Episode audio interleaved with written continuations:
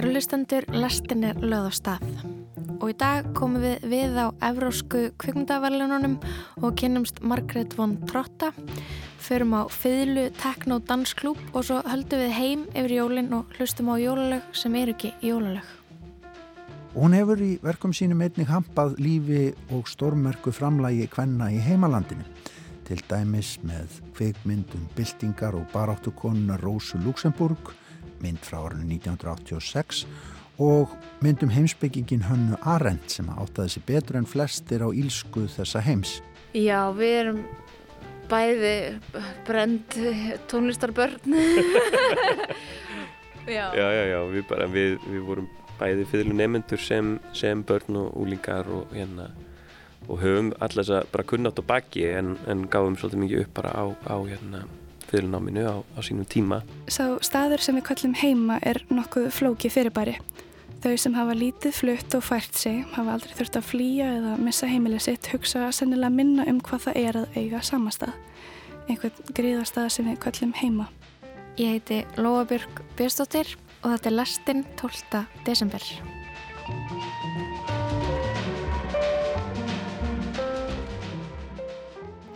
Við ætlum að byrja þáttinn í dag á því að heyra tvær jólasögur skrifaðar af reillistannemum í Háskóla Íslands.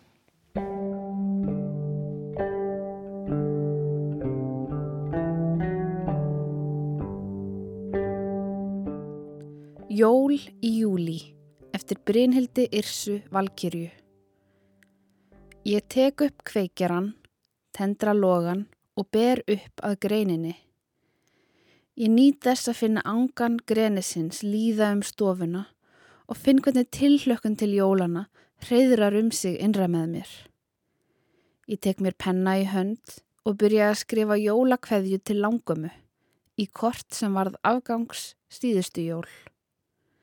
Læt ottin gæla við kvítan pappirinn og óska henni gæfuríks komandi árs. Ég gerir mér grein fyrir að það er bara júli En ég veit ekki hvernig málum er háttað í sumarlandinu þar sem hún er núna.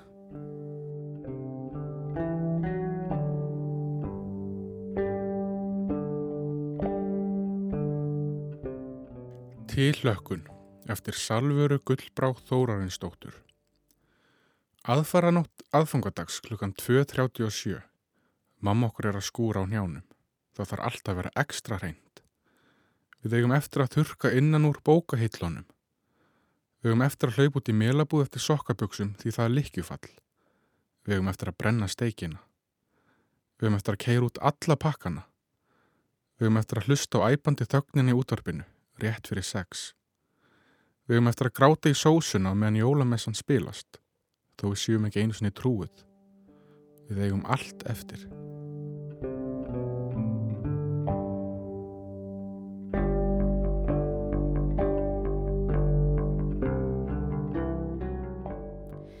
Sögur úr bókinni Greni sem Blekfélagið gefur út nefndafélag Rillistanema.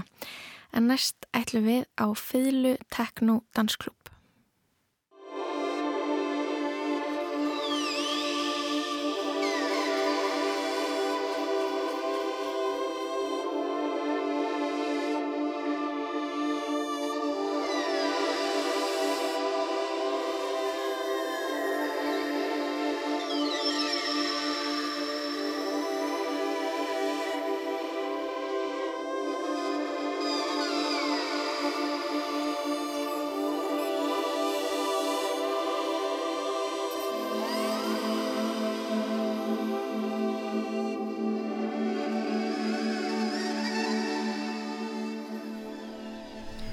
Ég mælti mér mót við listafólkið Gíu Jónsdóttur og Pétur Eggertsson í vinnuðastöðu þeirra í skerjaferðinum. Dóttir Gíu svafi í vagninum fyrir utan en bættist í hópin þeirra leið á spjallir. Hvað eru við stönd og hvað gerist hér?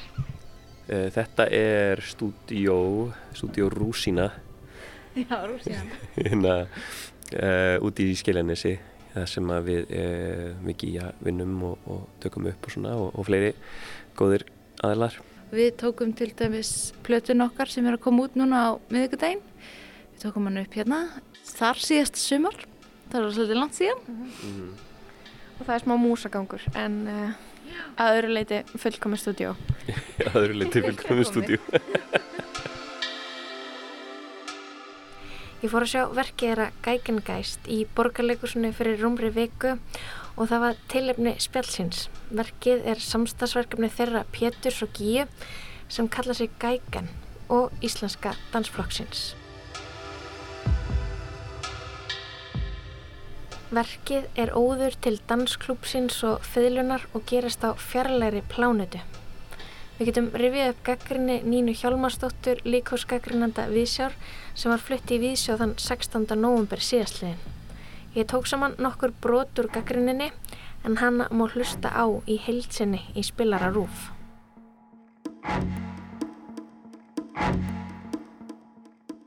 Úr andiri borgarleikusins göngu við inn í rými sem var áður kunnuglegt en er nú eins og að stíga inn í nýja vít. Við finnum okkur stað á meðal glæsilegra kvítklættra vera sem bjóða okkur velkomin og býðum þess í eftirvæntingu að veistlan hefjist. Svart ljósið lýsir upp kvítu skirtuna mína og ég verð að virkum þáttakanda í verkinu. Áhörundabekkirnir eru hortnir sem er sjálft séð nótkunn á þessu sex hinda rými og kær komin. En í staðin er hægt að vafra um rýmið að vild. Svarta bóksið, litla sviðið minni nú helst á næturklúp en gestir raða sér á mismunandi hæðarstegum rýmisins og snúa sér að litríkum gósbrunni á meðjögu gólfinu þar sem meiri hluti performansins á sér stað. Verurnar kínlausu líða um rýmið fjarlægar áhörundum í kvítum platex stífilum sem ná upp á læri. En form kvítu kjólana er mjög ásjáleg við líkama þeirra, algjört augna konfekt. Djúb rannsókn liggur að baki til að töfra fram vísanir í barokk tímabilið með lífstykkjum og krínólínum og að sjálfsögðu gríðar stóru krullóttu hárkollunum. Skúltúrbúningarnir taka á sig ýmsar myndir í gegnum verkið þar sem eftirminnilegust er umbreyting þeirra með nótkunn leysir tækni. Í byrjun verksins hafa allir flytjendur fylgu strengi sem verðast leiða áfram kóreografíuna og verður manni hugsað til klassísku meistarana eins og Mozart og Beethovens en sá fyrrnemdi var eins og frekt er undra barn undra barna og ekki síst þekktur fyrir færni sína á fylgu. En við erum samt ekki realísku periódu verki, við erum í gæken heiminum sem er kannski eins og að geimverur myndu horfa til jarðar og ákveða að eigna sér þetta tímabil baróksins og romantíkurinnar, nánar tiltekið menningu, konungshyrðar og hástjættar hins vestræna heims á því tímabili.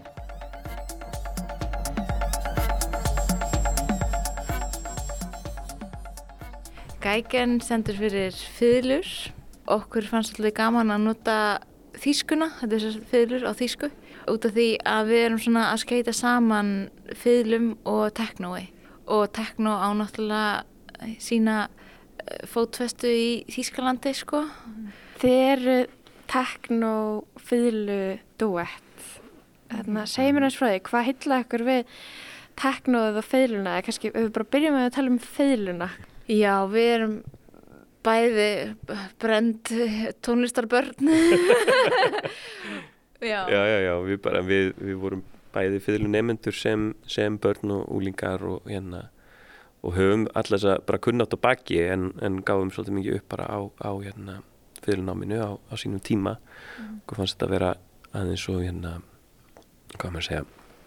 Hefðbundið ja, fast í fast í skorðum, já, nokkulega þannig að við vorum einhvern tíman að spjalla og hérna komumst um þetta að þessu að við værum bæði fyrirleikar og, og þurftum nú að gera eitthvað við þessa fyrirlu kunnáttu mm -hmm. og hérna og hvað er betra en að gera fyrirluna skemmtilega en að blanda því bara við smá teknotónlist mm -hmm. Þið byrjiði svona 2018 er það ekki rétt sem er mm -hmm. fer, já, 2018 á þessum tíma eru þið búin að ná eitthvað neginn að, að gera upp sambandi ykkar við fylguna frá því í æsku eru sárum búin að gróa eða þú veist hvernig, hvernig er þessu fjögur ár búin að vera í þessu öllum þessum fókus á fylguna? Bara útrúlega heilandi, myndi ég segja sko. Bara heilandi og valdeflandi. Þú veist að einhvern veginn nýta sína reynslu og hérna, fagþekkingu úr öðrum söðum og blanda því saman En feilan sem hljóðfæri, er, er hann vannýtt í teknóun annars? Heldur betur og líka bara, er, já, getur bara mjög verið vann í hljóðfæri, þú veist, það er, það er svona ákveðin hérna fagfræði kringum fyrirleik og sambandið fyrirleik sem er alltaf svona bara mjög svipaður í, í, í, í tónlist yfir höfuð og mjög gaman að nýta eins og við nýtum fyrirleina í hérna á einhverjan annan hátt, förum inn í effektana með hana eins og, og ramaskítar er búin að gera í, í fleiri ára tíu sko. mm -hmm. fara með fyrirna þanga til þess að og, og nýta uh, það sem hljóðfæri hefur að bjóða í hérna, nýju sammingi það er klárlega, já, vann nýtt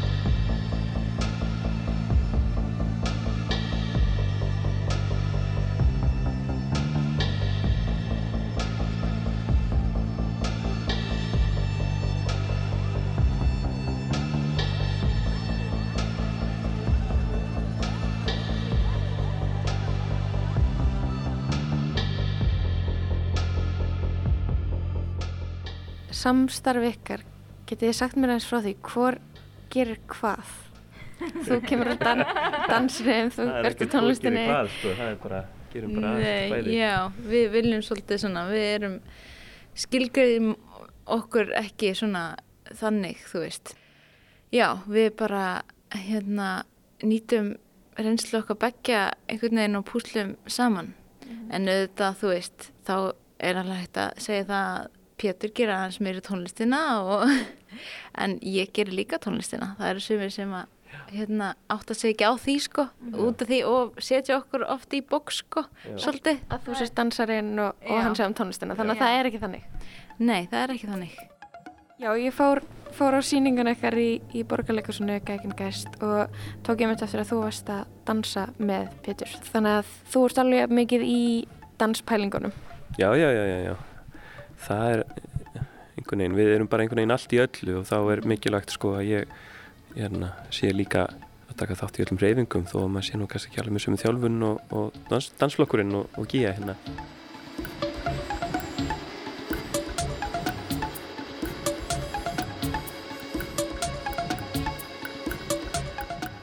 Svona, þetta er líka bara eh, smá svona óðurinn til, eh, þú veist, að henda sér í hlutina og, og vera ekki of mikið að pæla í auðvitað þótt að við viljum kalla okkur professional skilur en þú veist þau eru ekki að vera 100% í öllu skilur mm -hmm. einhvern veginn að bara vaða í hlutina, do, do it skilur mm -hmm. það er svolítið svona og svo einhvern veginn okkar samsöða verður að einhverjum og líka bara mismunandi þú veist, mismunandi gráður af hæfileikum, ef maður kalla það mm -hmm. þú veist, af, af, af kunnótt og tækni, þú veist, það er þú veist, það hefur bara allt sína fegurð, þú veist það, mm -hmm. það er alveg jafnfallegt að sjá einhvern sem er lít þjálfaður í dansi og, og einhvern sem er, er mjög mikið þjálfaður í dansi, mm -hmm. eða þú veist, það hefur hefur svona kosti hefur sína, já, það hefur bara einhvern veginn svona, það er einhvern sjarmi við það mhm, mhm, Já, tölum aðeins meirum þessa síningu í borgarleikursinu þessi feðlulaga vít og ég fann það mjög skýrt svona þegar ég kom á síninguna að ég væri stödd í einhvern veginn heimi feðlunar, feðlan er miðlæg, hún er aðalegn en í síningunni mm. allt hverfist í kringum hana hvernig verður þessi heimur til? Getið sagt mér aðeins frá þessu ferli samsköpunarferlinni, þið voru að vinna með dansfloknum, mm. þið voru með tónlist hvernig, hvernig gerðu þetta?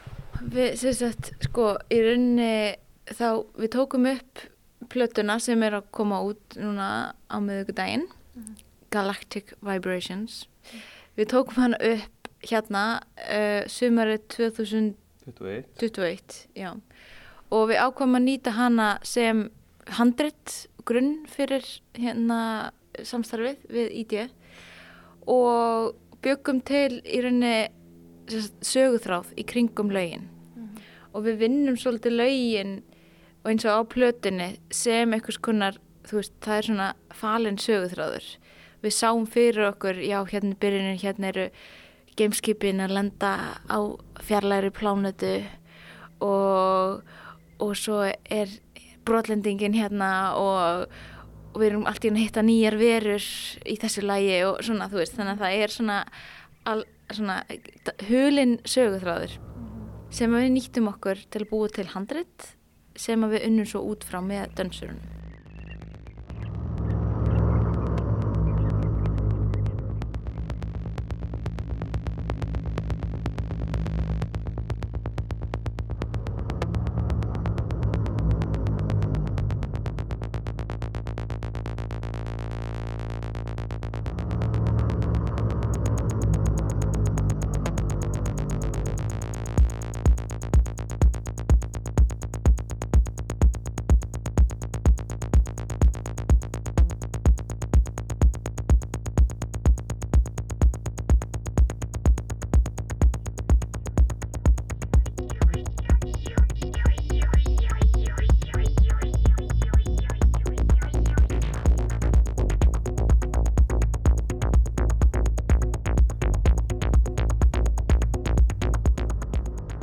Já, svo bara fórum við, hérna, við, við vorum með svona nokkur uh, stykk, stykk orð eða þeim sem við unnum með í síningunni. Það voru hérna, hugleðslaf, uh, fiðlan, sjálf bara teknóið, uh, og svo var barokk þetta og hérna vísinda skáldskapur og svo þáttaka, árunda þáttaka. Það voru svona sex stóru orðin og svo fórum við með þau, þessi orð og hugmyndir inn í svona vinnustofuferli með, með dansfloknum þar sem við hérna, byggum til svolítið reyfi tungumálið í, í síningunni. Já, með búningarnir eru barokki kemur svolítið þar mm. stóru kvita hórkvöldunar, ég fór bara strax að hugsa um Mozart og mm. uh, átjöndeldina. Voruð þið með skýra sína að dansarnir eru svona þeir eru svona sviðinu að, að þetta eru svona útlitið á síningunni? Já, það var alltaf planið. Við líka svolítið bara svona frá því að við byrjum þá hefur þetta verið svona okkar einkennisbúningur sko, hárkollan og svona barokk klæði yeah, og í einhverju svona framtíðar útgáðu já, já. og þú veist eh, við fengum Tönju til þessu okkur Tönju Hull Levi og svo bættist Alexia Rós Gilvardóttir við hérna búningu henniðina og þær útfærðu þessa glæsilu búninga á þetta, á þetta steg það var sérstaklega alltaf hugmyndin að nota þessi stikkor, þú veist barokkið og vísindaskálskap uh, alltaf aðalega þessi tvö í búningagerðinni. Mm -hmm. Þáttakarn, ég fann svona, ég var að, ég var að mötta eitthvað svona lappum og uh, hugsa hvernig þetta var með og hvernig ekki og samt tókst mér að hengja veskið mitt á leikmyndina en ég var samt líka, líka að reyna að vera ekki fyrir þannig ég veit ekki alveg hvernig það tókst hjá mér. Um, hvernig gengur ykkur annars vanlega á síningum, hvað eru núna búin að vera margar síningar? Það eru búin að vera fjórar, fjórar. fjórar. Hvernig hefur gengið að fá áhörendur eða þáttakandur að vera með og dansa og, og svona einhvern veginn bland, blandast inn í hennan heim? Já, sko það er nú yfirlegt allir farnir að dansa svona undir lóksíningarinnar mm.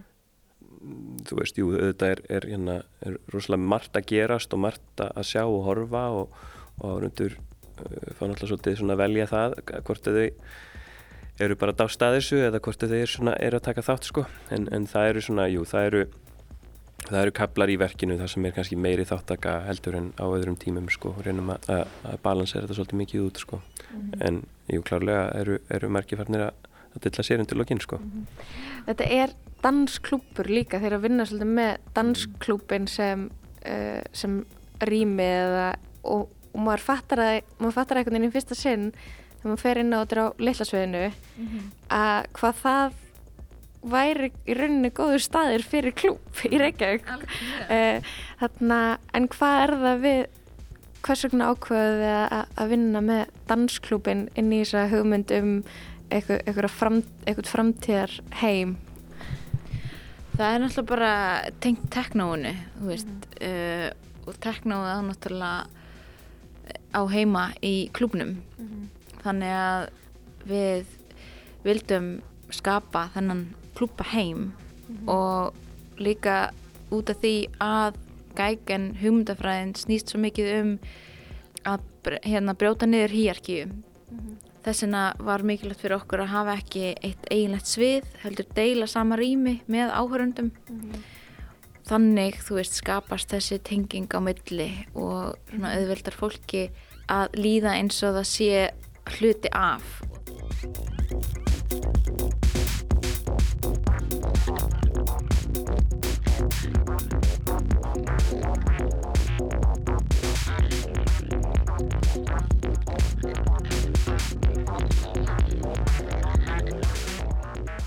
Dansklúpurinn, eru þið, eru þið mikið að fara til útlanda á, á klúpin? mikið til útlanda á klúbi það er nú kannski svolítið langt síðan ég farið á klúbi en jú við hérna jú jú við höfum alveg gert það. Í ykkur rannsóknarvinnu? í rannsóknarvinnu, já já já, Já, þetta í rauninni sko, hérna ég var hluti af svona kvöldi í, í San Francisco sem að held svona hérna kvöld frá Berlín sem kallar sig Kepler. Og þau voru alltaf að halda svona hérna tekno viðburði sko eh, á klúbum og við erum fyrir miklum innblastri frá því og Pétur kom á einn svona viðburð sko þegar við byggum bæði þannig Getur þú líst því, Pétur? Inn á- þetta var náttúrulega bara þetta breytti lífi mínu, þetta augnablik. Nei, en að nei, þetta var bara frábært hérna svona aðeins öð, öðruvísi uh, klúpa upplifun heldur en, en maður er kannski vannur, þetta var meira mm, svona performatíft og já, svona kannski ótípískir hérna hlutir sem voru í gangi hann inni á, á klúbnum, ekki bara dans, heldur líka bara ein, einhvers konar þáttöku, einhvers konar performansar og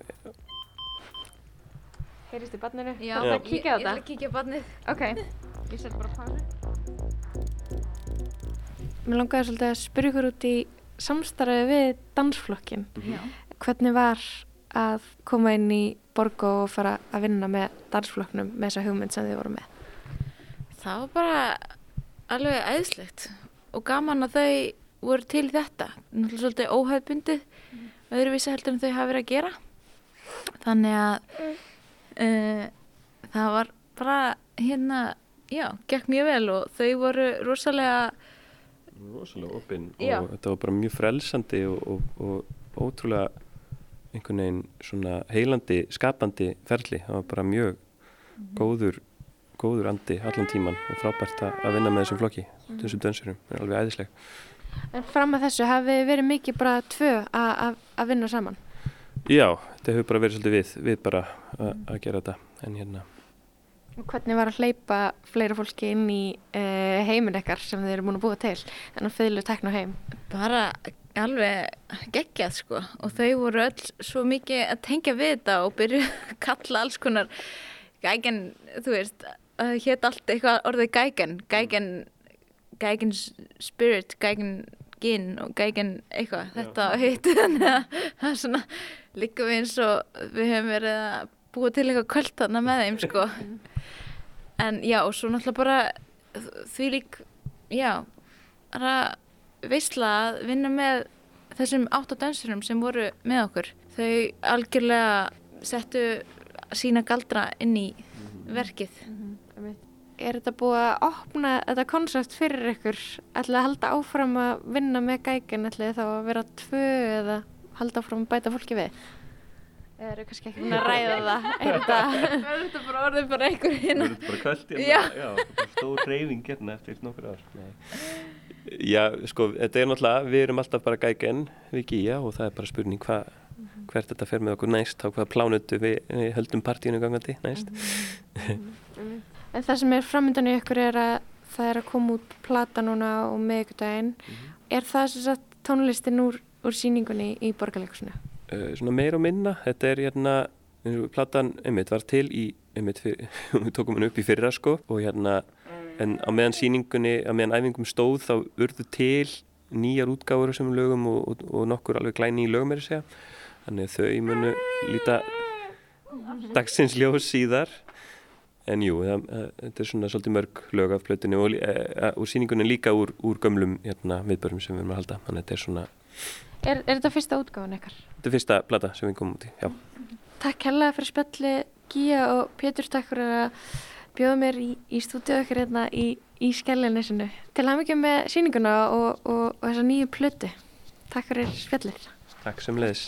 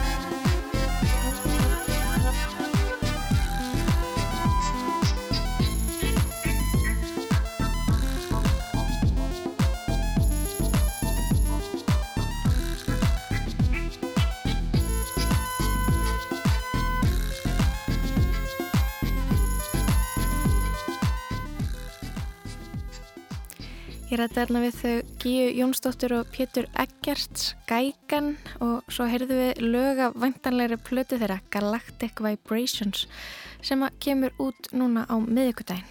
En við ætlum að fara yfir í kvikmyndir næst hérna í lestinni. Guðni Tómasson tekur við og fjallar um þýsku kvikmyndagerakonuna og leikstjóran Margret von Trotta sem laud um helgina heiðursverlun Evrósku kvikmyndaakademíunar á Evrósku kvikmyndaverlunum sem fóru fram í hörpu á lögadag.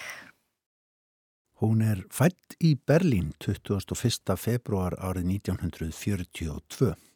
Var því áttræð fyrir á þessu ári, en var aðeins ríflega eins og hálsás þegar landkaster sprengjuflugularnar Bresku fóru að fljúa yfir borginni og láta sprengjum rigna yfir hana. 1700 tons of bombs delivered in under an hour give Berlin its heaviest raid of the war. The expected blow at the heart of Nazi Germany might be said to open the Battle of Berlin. Although in this war we have fed on a luxury diet of superlatives, this crushing attack, four times greater than the biggest the Luftwaffe ever delivered on London, created terror, devastation and chaos by its stupendous intensity. Margarete von Trotta er fyrir laungu orðin góðsögn í kvikmyndagerð heimalandsins Tískalands og það var núna um helgina sem hún hlaut heiðusvelun Evrósku kvikmyndaakademíunar á Evrósku kvikmyndavelunum sem að fóru fram í hörpu á lögataskvöld, voru í betni útsendingu í sjónvarpinu.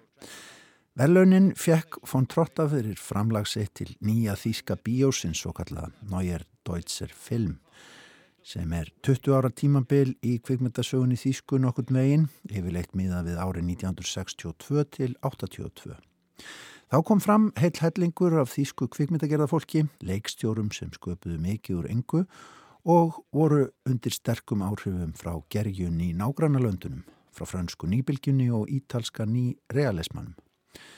Margarete von Trotta er dóttir Elisabethar von Trotta og listmálarans Alfreds Roloff sem áttu meðal hans verka á samsýningunni sem pótintátar Adolfs Hitler skipulöðu í Háster Kunst í München ár eftir ár og þar sem bóði var upp á myndlist sem var stjórnvöldum í Þýskalandi nazismans þóknanleg á gróse Deutsche Kunst ástelung síningunni eins og hún hétt og var aftur telt fram gegn úrkynnari myndlist á annari fræri síningu en Tartete Kunst.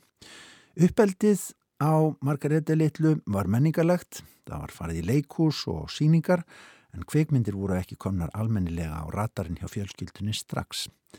Fadurinn var ekki mikið við í lífi maðurana og fór fljóðlega út úr því og eftir stríðslokin fluttu þær maðgur til Dusseldorf. Margarete var náinn móður sinni og hefur oft talað um sterk tilfinningarleg tengsl þeirra á milli, vináttu og einingu þeirra maðurna.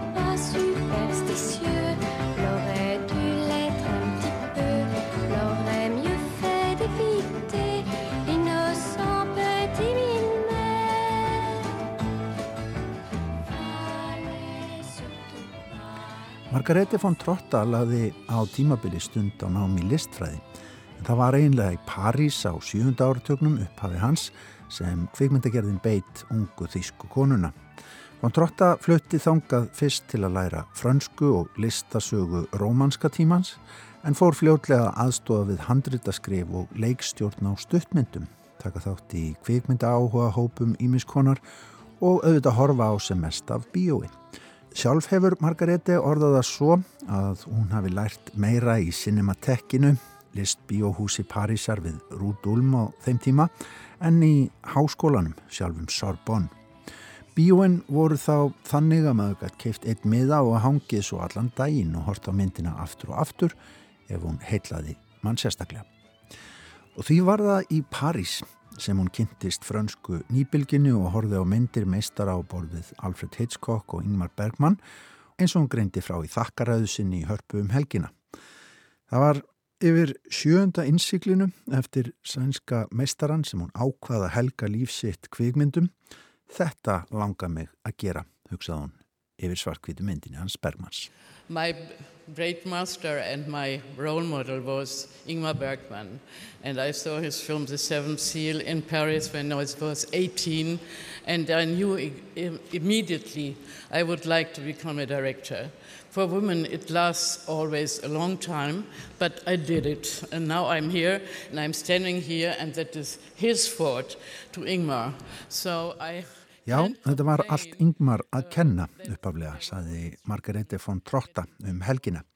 Myndir hans höfðu allt í hennar huga, listræna myndfrásögn ánast eins og í málverkum, samspil tónlistar og leiks, ljós og skugga, vel unnið hljóð og listilegar þagnir. Og sem mótsvar við þölskipulagðum listrænum myndum Svíjans kom franskan í Bilgjan með allt annan innblásturinn í líf þessarar þýsku konu með sinni leikleði og hæfilega kæruleysi og hann að dreymdi aðeins um eitt að gera kveikmyndir. 1, 2, 3, warum gehst du vorbei, so als hättest du mich nicht gesehen? 2, 3, 4, bleib ein bisschen bei mir, warum lässt du mich so einfach stehen? Deine Eifersucht so dumm, macht uns nur das Leben schwer. Sieh doch endlich ein, ich bin treu, denn ich liebe dich so sehr. Það var síðan sent á sjönda áratögnum og í upphafi þess áttunda sem hún fór að leika í myndum sem að skiptu miklu máli í Þíska bíóinu á þessu Þíska kveikmynda vori, til dæmis myndum Klaus Lemke og Rainer Werner Fassbinder. En þar varð samstarfið við leikstjóran Folker Slöndorf líklega afdrifaríkast en þau von Trotta giftu sig og voru gift í um 20 ár frá 71 til 92. Inn í það samband kom Margarete úr öðru hjónabandi sem hafði borið ávöxt í sininum Felix Möller sem þau von Trotta og Slöndorf ólu upp. Hann gerði síðan heimildamind síðar um samband þeirra tveggja og samstarf á árum Þíska nýja bíósins. Árangurinn af samstarfnu var mikill og góður en Margarete uppliði sig þó oft í skugga eigimannsins og það var nutt milli þess persónlega og ofinbera í lífi hennar og vinnu. Og það er einmitt tilfinning sem að kemur fram í mörgum verka hennar og eigimannsins til dæmis myndinni um Katarínu Blúm og æru hennar sem lendir illa bæði í yfirvöldum, fjölmiðlum og almenningsáleitinu eftir án eigin nótt með grunuðum hriðjuverkamanni. Wir wollen doch nicht persönlich werden, Frau Blum. Bitte beschränken Sie sich inhaltlich darauf, was Sie gefragt werden, ja? Hat er dich denn gefickt? Die verlorene Ehre der Katharina Blum ist die Geschichte einer Empörung. Ein sanfter Mensch schlägt um sich. Eine unbescholtene Frau wird zum Schlagzeilenobjekt einer Skandalzeitung. Var við leikstjórnina sjálfa vinnu með leikurunum sem Margarete von Trotta beitti sér með góðum árangri þegar hún vann með Folker Slöndorf á meðan hann hugsaði fyrst og fremst um mekanískan hluta kveikmyndagerðarnar þá var hún sterkari í þeim lífrænam á segja. En það var síðan árið 1978 sem hún gerði sína fyrstu mynd sjálf í einn nafni um Kristu Klages, konu sem að leggur á flóta eftir að hafa reynd að bjarga dagvistunar þjónustu sinni með því að fremja bankarán. Þar komu fram þemu sem aftur og aftur skjóta upp kolli í verkum von Trotta, sistra lag, djúb vináttamilli kvenna og eitrandi áhrif ofbeldis í lífum þeirra. Það var alltaf verið sterkur feminískur tótn í öllum hennar verkum. Henni hefur verið umhugað um getnarvarnir, réttin til þungunarofs, stöðu kvenna í atvinnu og ofnberu lífi, heimilisofbeldi og svo framvegs og svo framvegs. Og hún hefur í verkum sínum einnig hampað lífi og stórmerku framlægi kvenna í heimalandinu. Til dæmis með kveikmyndum byltingar og baráttukonuna Rósu Luxemburg, mynd frá árinu 1986 og myndum heimsbyggingin Hönnu Arendt sem áttaði sér betur en flestir á ílsku þessa heims og um hverja von Trotta gerði kvikmynd árið 2012. Um Hönnu Arendt saði von Trotta að hún fjalli fullkomlega í hennar eigið persónlega mót sem hún hefði skapað sér um sögulegar mikilvægar konur sem hún vildi segja frá í verkum sínum. Í rannsóknum sínum á ílsku nazismans sem að Hanna Arendt lifði sjálf af eftir vist í fangabúðum stjórnaðist Arend fyrst og fremst að því verkefni að skilja. Og það tengdi kvikmyndagerðar konan stert við, hún vildi skilja, ekki síst reynsluheim sterkra hvenna. Und es ist dieses Phänomen, das ich bezeichne als Banalität des Bösen. Það er oflangt mála að regja hér allar myndir Margarete von Trotta en á kvikmyndavefnum EMDB er hún skrifuð fyrir einum 26 atriðum sem leikstjóri. Leiknum kvikmyndum en líka sjónvarsmyndum, sjónvarstáttum, míniserjum og heimildamyndum. Og núna er í eftirvinnslu mynd sem er á leiðinni sem er sögulegs eðlis og þar sem samband austuríska reytöfundarins og skálkonunar Ingeborg Backmann og svistneska leikskáldsins reytöfundarins Max Fritsch er kröfið til merkjar. Já, þessi markvelunaða og virta þýska kvikmyndagerðarkona Margarete von Trotta er því enn að og hverja baki dottin nú þegar hún er komin með heiðursvelun evrósku kvikmyndaveluninu upp á hillu heimi á sér. Eða ég ger allavega ráð fyrir því að hún sé farin úr landi. Hún á velunin fyllilega skilið hefur verið kölluð fremst í feminíski kvikmyndahöfundur heims, algjör leðtögi í þeim efnum og meistari í því að skapa sterkar kvennpersonur í verkum sínum. But there is one thing we will never give up. I think, I hope, that's the magic of our dreams. Thank you. Thank you all. Já, ég vona og tel að við munum aldrei gefa töfra drauma okkar upp á bátinn, saði Margret von Trotta, þessi reynslubolti þýskrar kveikmyndagerðar í hörpu um helgina þegar hún tók við heiðursvelunum Evrósku kveikmyndaakademíunar. Það var Guðni Tómasson sem saði okkur frá von Trotta. En næst á mælindaskrá hérna í lestinni er Ástí Sól Ágústóttir og hún ætlar að segja okkur frá jólalögum sem eru ekki jólalög.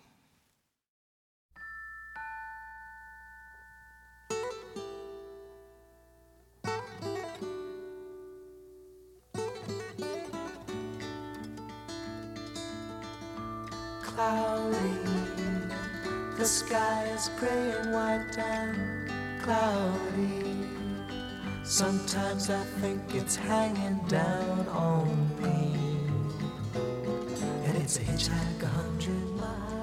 Fyrsti sunnudagur í aðvendu var núna í lók november og vetrarborgin okkar, hún Reykjavík, var ekki lengi að komast í jólabúning með tilheyrandi ljósadýrð og eftirvæntingu. Ég ákvaði að detta inn í stemminguna og grúska í gömlu jólaefni eins og lögum, sögum, ljóðum og myndum. Ég hef lítið fengist við rannsóknarvinni á þessu sviði en ég ákvaði að veita því jafnmikla aðtikli og hverju öðru list, menningar og aðþreyingarefni. Auðvitað er úr mörgu að velja þar sem úr og grúur af alls konar efni. Ég þurfti því að búa til kerfi, einhverja leið til að grísja úr og finna eitthvað sem ég fann skipta máli.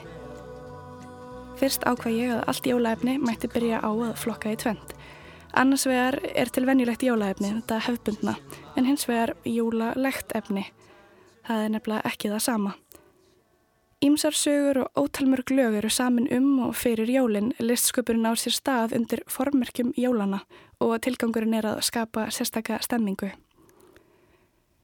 Það blasir því við okkur ákveðið hlaðborð af varningi sem beinist að jólunum og ekkert er ákveðið af okkur. Þetta er jólasaga og þetta er jólalag. Þetta er ekki beint tólkunar atriði.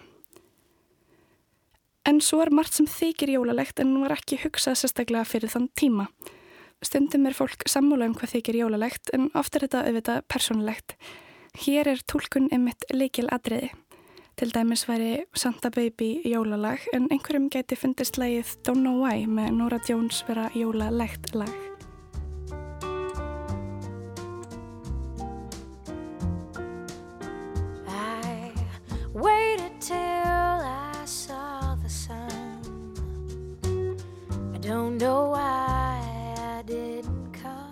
Það getur því verið afskaplega gaman að spyrja ástfinni hvað þeim finnst vera jólalegt og bera saman svör.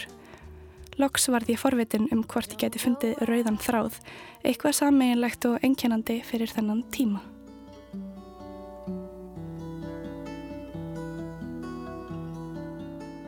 Ég var eiginlega komið með svar við því þegar ég fór að velta fyrir mig plötu sem mér finnst vera mjólaleg.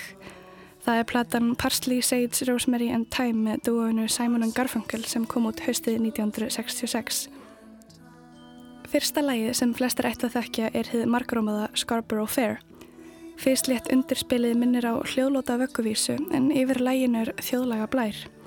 Skýrum tónum hljóðfæris sem er sennilega klukkuspil mætti líka við frostrósir eða snjókorn.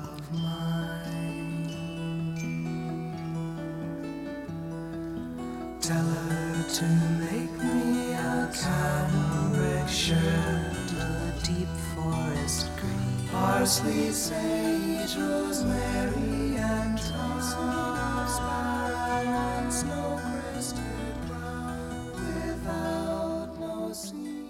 Hildartótt plötunar er ljúfur og lágstemdur.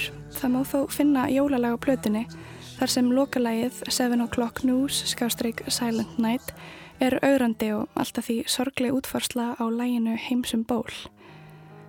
Í ábreyðu þeirra Simon og Garfunkel er spilað brot úr fréttatíma þar sem fjallaður um meðal annars réttindabaráttuna í bandaríkjunum.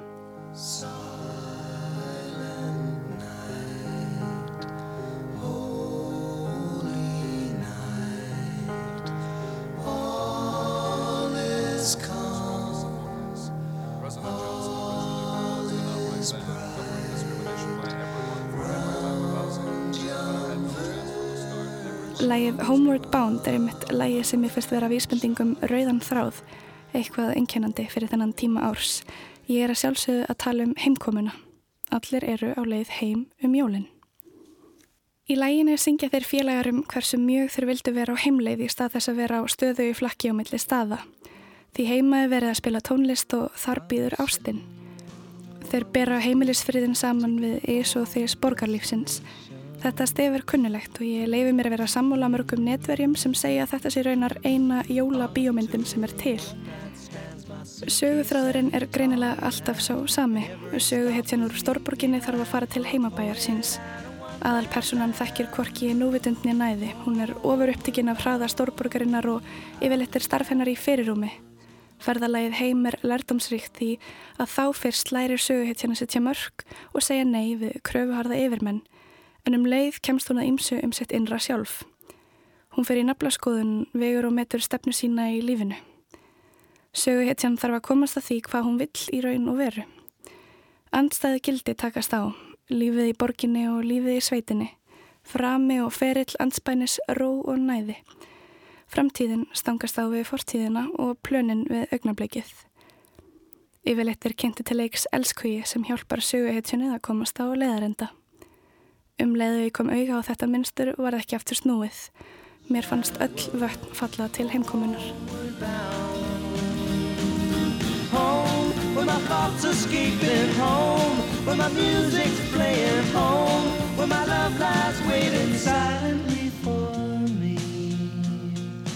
Þessi hugmynd er að sjálfsögðu ekkert ný I'll be home for Christmas er að sjálfsögðu þekkt stef og hér sama gildur um upprópunina Christmas, baby, please come home. Hvaðan kemur þessi áhugi okkar á heimkomunni og hvers vegna er þetta sem þrálátur hyggst í undir meðvitund okkar allra? Hvað er það sem heillar svo við heimkomuna? Sá staður sem við kallum heima er nokkuð flóki fyrirbæri. Þau sem hafa lítið flutt og fært sig hafa aldrei þurft að flýja eða missa heimilið sitt hugsa sennilega minna um hvað það er að eiga samastað. Einhvern gríðastað sem við kallum heima. En það sem hver og eitt kýsa kalla heima er ymmið það sem aðskilur okkur. Þetta er eitt sem rítöfundurinn og menningarínirinn Svetlana Bóim skrifar um í rítger sem byggist á bók hennar The Future of Nostalgia. Heimkoman og nostalgían eiga samleið en eins og Bóim bendir á þá er heimkoman ymmið helmingurinn af merkingu orðsins. Þó orðið nostalgía komi ekki úr fortgrísku þá er það gert úr tveimur grískum rótum. Orðið nostos merkir einmitt að koma heim eða heimkoma og meðan orðið algía þýðir löngun. Hún vil meina að þessi djúpa löngun sé eitthvað sem við upplifum öll. Hún saminar okkur en mál flækjast því við erum einmitt ósamála um hvað mætti kalla heimkomu því ef þetta eigum við ekki öll heima á sama stað. Það er þó kannski þessi löngun okkar sem knýr þetta frásagna stef. Á þessum árstíma langar okkur ekki bara heim, okkur langar kannski aftur í tíman. Bóim segir að við þráum einhvern annan tíma eða tíma barnesku okkar þar sem taktur og gangur lífsins er hægur eins og í draumi. Á þennan hátt telur hún nostalgíu vera ákveðna uppreist gegn nútímalegum hugmyndum okkar um tíman sem er tími sögunar og tími framfara. Hún talar um hvernig nostalgían þráir að upplifa og heimsækja einhvern tíma eins og tímin væri staður en ekki stund. Þess vegna er fortíðin sem nostalgían býr til ekki ekta fortíð eða svo segir bóim, þess frekar er hún einfallega betri tími eða hægari tími, jafnvel tími án tíma eða fyrir utan hann. Kanski er þessi hægi, drömkendi tími barnasku okkar eitthvað sem við reynum að leika eftir í desembermánuði með því að endur taka sömu hluti og hefðir og lesa upp úr sama gamla handreitinu. Á þessum tíma árs erum við kannski ofur meðvitið um gang tíman svo reynum þá kannski mest að streytast gegn honum. Engin fyrða að þessar jólamyndir séu allar eins. Stundum vil maður einfallega heimsækja þennan stað þar sem tímin er betri og hægari. Þetta er kannski rauði þráðurinn sem gerir lægið The Past and Pending með hljómsveitinu The Shins svo jólalegt. Eða þannig er mín tólkun. En þetta lag fjallar einmitt um þessa tilneyingu að halda í fortíðina því við erum ofur meðvitu um það sem býður okkar. Nýtt ár, nýjar framfarir, nýr og hraður tími.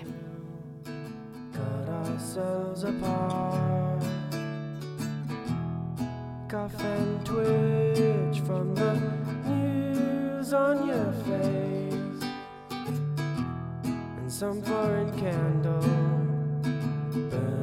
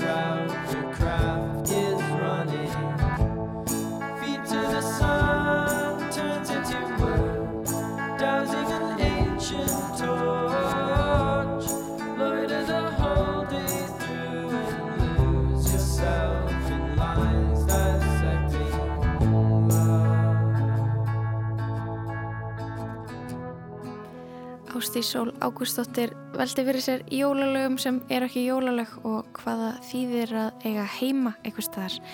Lægið The Past and Pending með The Shins, við heyrum það hérna í lok þáttar. Það komið að leðalögum hérna í lestinni í dag. Ég heiti Lofabjörg Björnsdóttir, tæknumæður var Lydia Gretastóttir. Við verum hérna aftur á sama tíma á morgun. Verið þið sæl.